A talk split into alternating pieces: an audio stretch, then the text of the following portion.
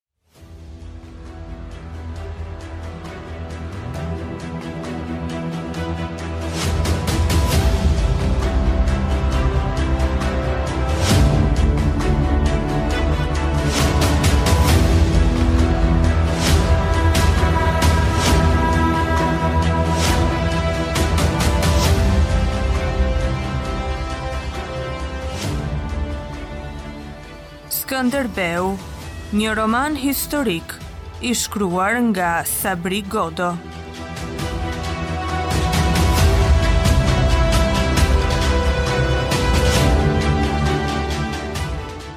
Pjesa e dytë.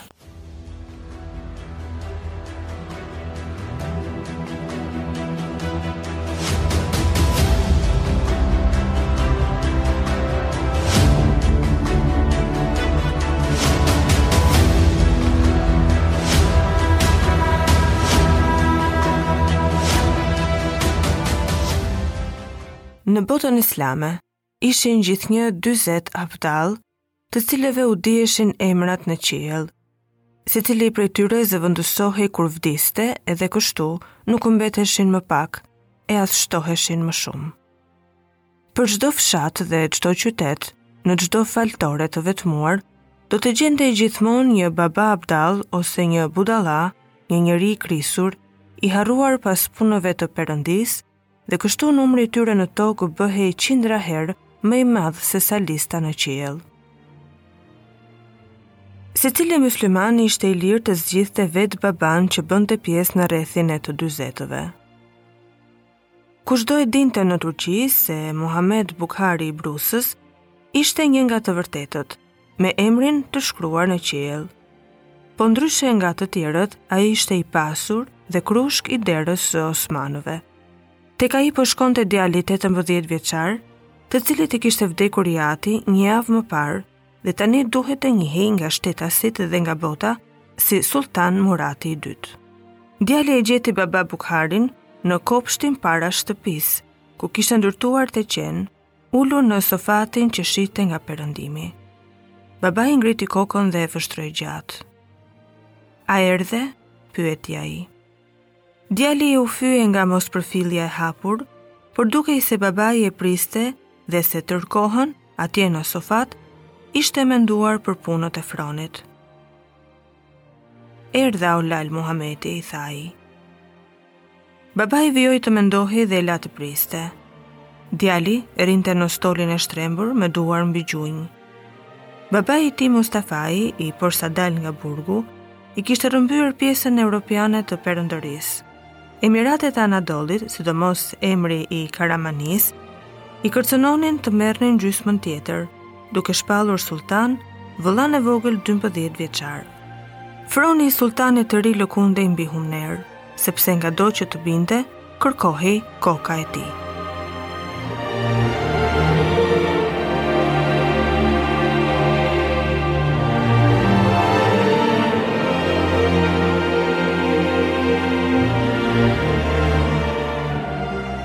U ngrit një erë e lehtë nga deti, që trazoi qimet e bardha në gjoksin e hapur të babait.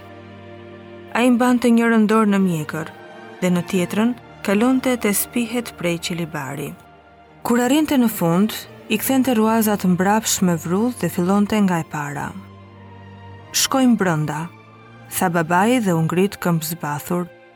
Ai ishte një burrë i gjatë dhe u përkul në derën e kubesë, eci përmes rrogozeve drejt altarit mavi, duke tërhequr xhyben e gjelbër si një send të tepërt.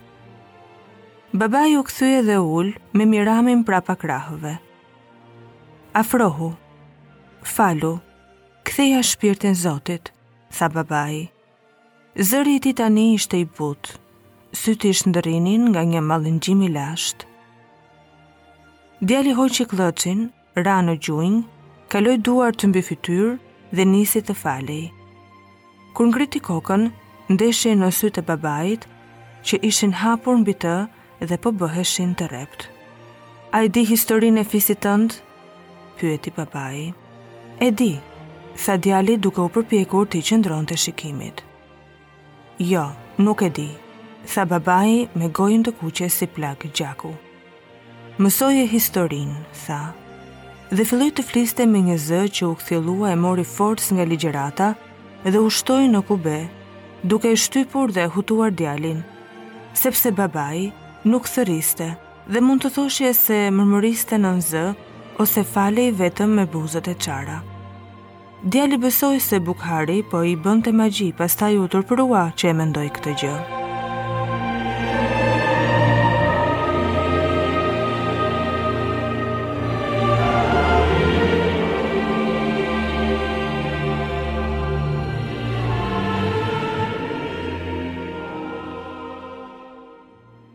Historia nis 200 vjet të shkuar, po ajo shkon edhe më tej, tha Bukhari.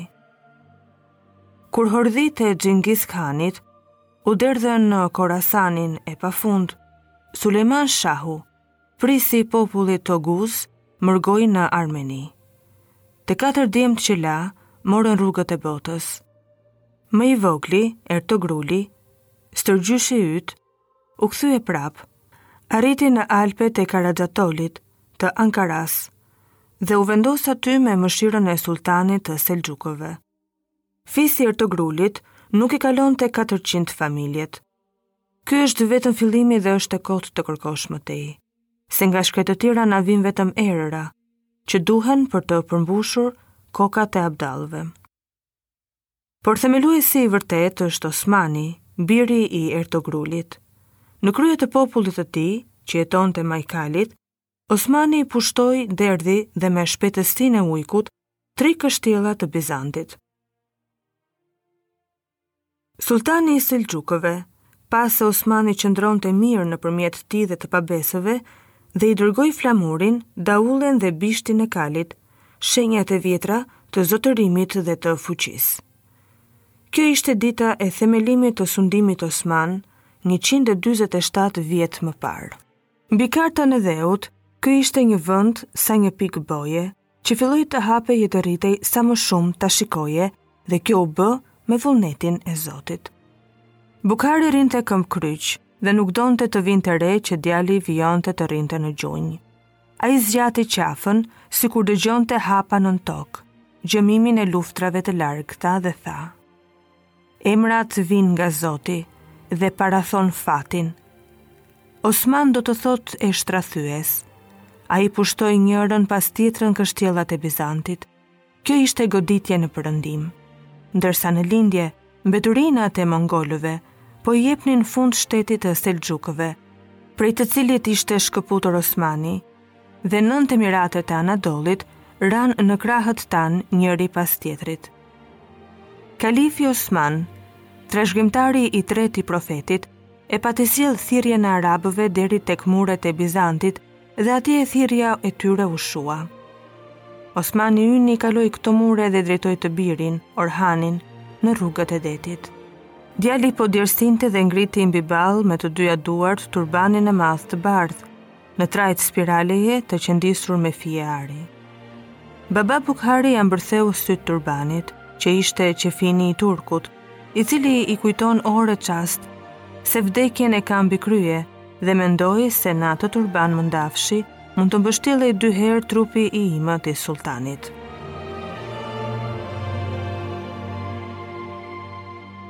Dituria e Bukharit ishte e thellë, e saktë, e pamëshirshme. Ai përmendte me lehtësi emrat dhe datat, Në fytyrën e tij, si të gdhendur e të zhytur në mjekër, s'kishin lëvizur veçse buzët. Ai ishte një besimtar i kohës së profetit, që kishte mbijetuar shekujt duke mbledhur mësime. Fuqia e tij buronte nga lutjet e gjata, nga vetmia e ndoshta nga mendja e krisur. Ai ngriti sytë e turbullt mbi djalin për ta pyetur nëse i shihte dhe i kuptonte ato ngjarje të shkuara. Djali i shihte si hije, që lëviznin në një tokë të largët e të thyer. Ai po dëgjonte gjëra të njohura, po të thëna ndryshe. Baba Bukhari ishte i përlotur kur tregonte, por s'kishte qarë. Në sytë e tij magjiplotë, ndizeshin çika stëralli, sidomos kur përmendte disfatat. Ai drejtoi trupin e ngriti krahun, pasi tani do ta çonte djalin nëpër shtigjet, ku s'kishte kaluar ndonjëherë mendja e njeriut. E fjala e tij goditi me valë muret e kubesë. Mbretëria Osmane që jetonte për plaçkën e luftës dhe për haraçin, u shemb nga Timuri dhe u zhgërrye në pluhurin e saj për njëmbëdhjetë vjet. Por kjo mbretëri u mëkëmb nën babanë tënd, Sulltan Mehmetin, sepse gjysma e saj, që gjendej në Europë, mbeti e paprekur dhe sepse filloi të ngrihej mbi fenë e vërtetë islame. Mësimi thotë: Turqia është mbretëri e sundimit të Zotit, që drejtohej nga fjala e profetit e shkruar në Kur'an.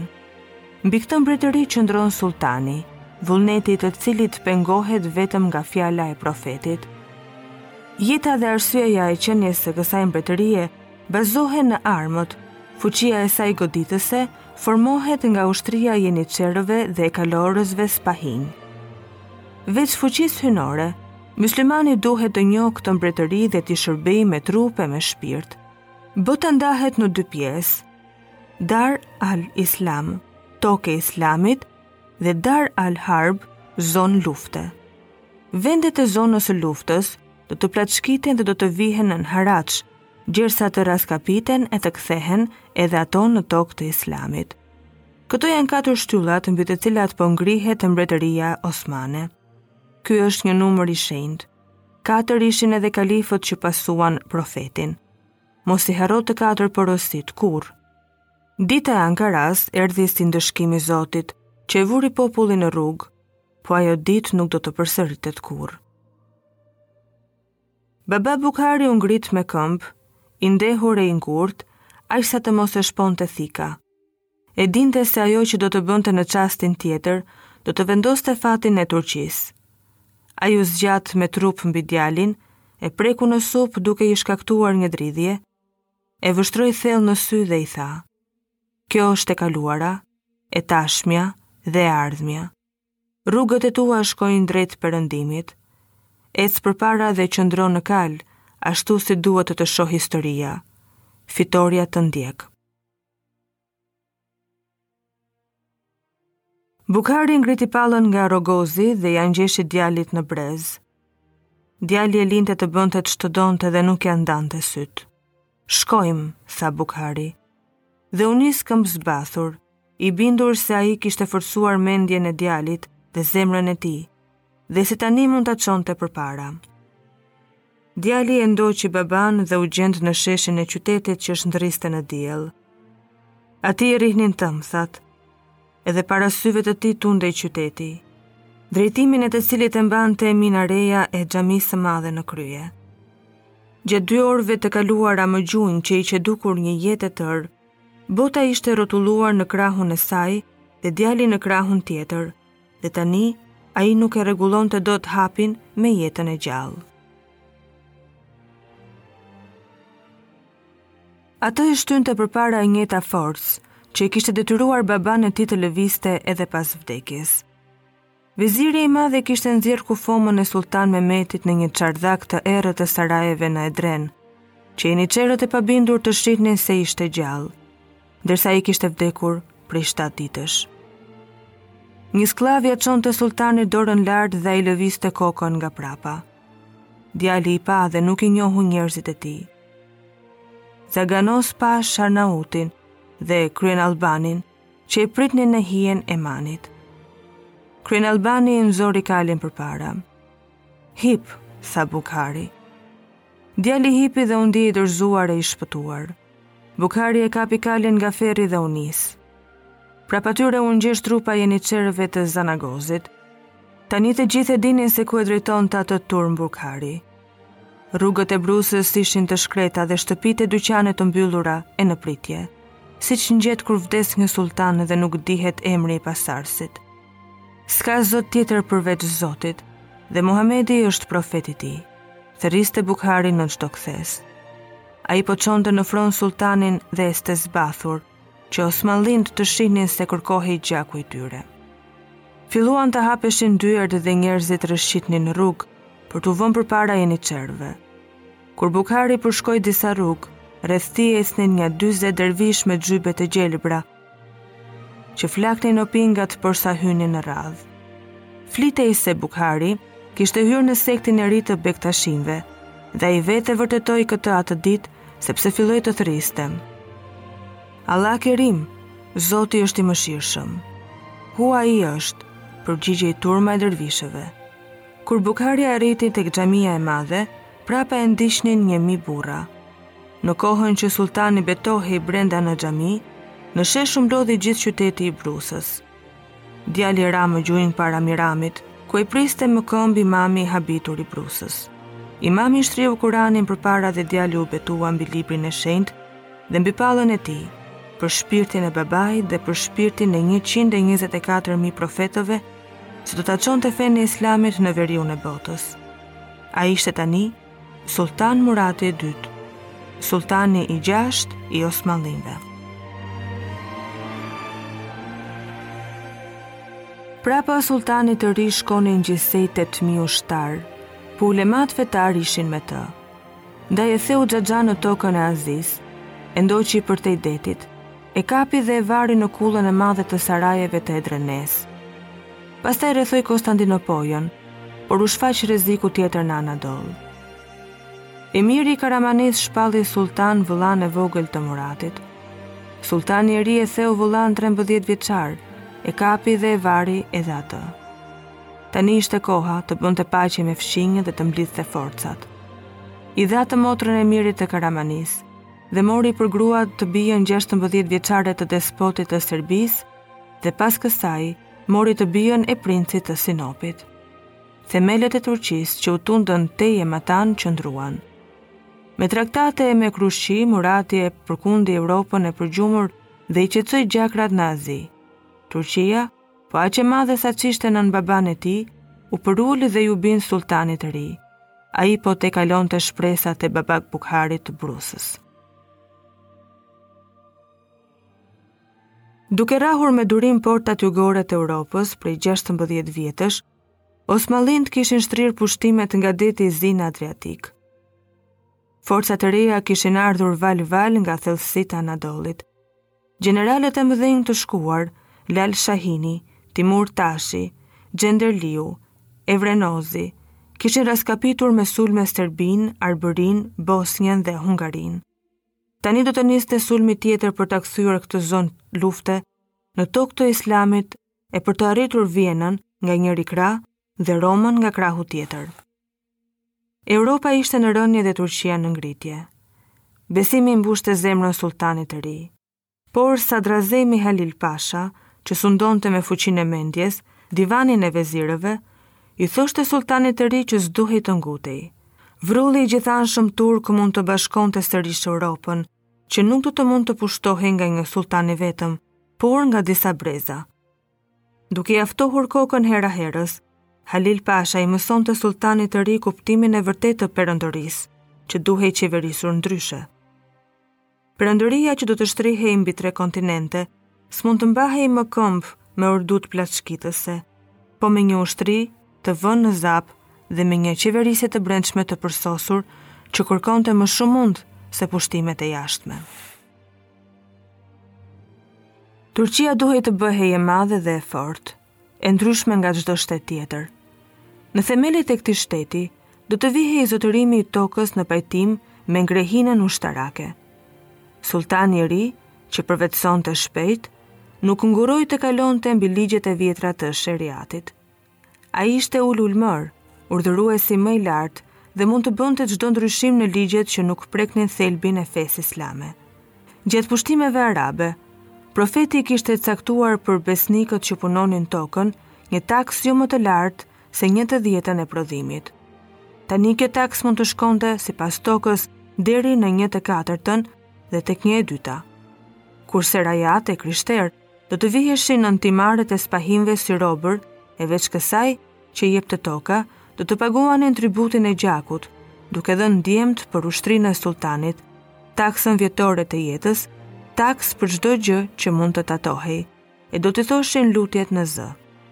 Krahina e vilajete u caktuan të plotësonin nevojat e ushtrisë me çadra, uniforma, pajisje, patkonj, të ndërtonin fortesa, rrugë dhe ura. Perandoria nxirrte fuqi nga vetë vendet e pushtuara dhe në të njëjtën kohë kryhej përqendrimi më i lartë. Kjo përgatitje e Muratit zgjati me vite, por ndërkohë duhet të shkonte përpara me pushtimet, i shtyrë nga forca e brendshme, të njëjtat forca që e vunë në fron dhe që do t'i pritnin kokën po të mos ecte. Goditjen e parë Murati e dha kundër vjerrit, Gjergj Brankoviçit, të cilit i mori Nishin dhe Krushevacin, duke hyrë kështu, ndërmjet despotatit të Serbisë dhe Hungarisë. Murati sulmoi në befasi, pavarësisht nga krushqitë dhe traktatet. Ai ndihej i fortë dhe mund të bënte luftë e paqe me këdo, sipas interesave të larta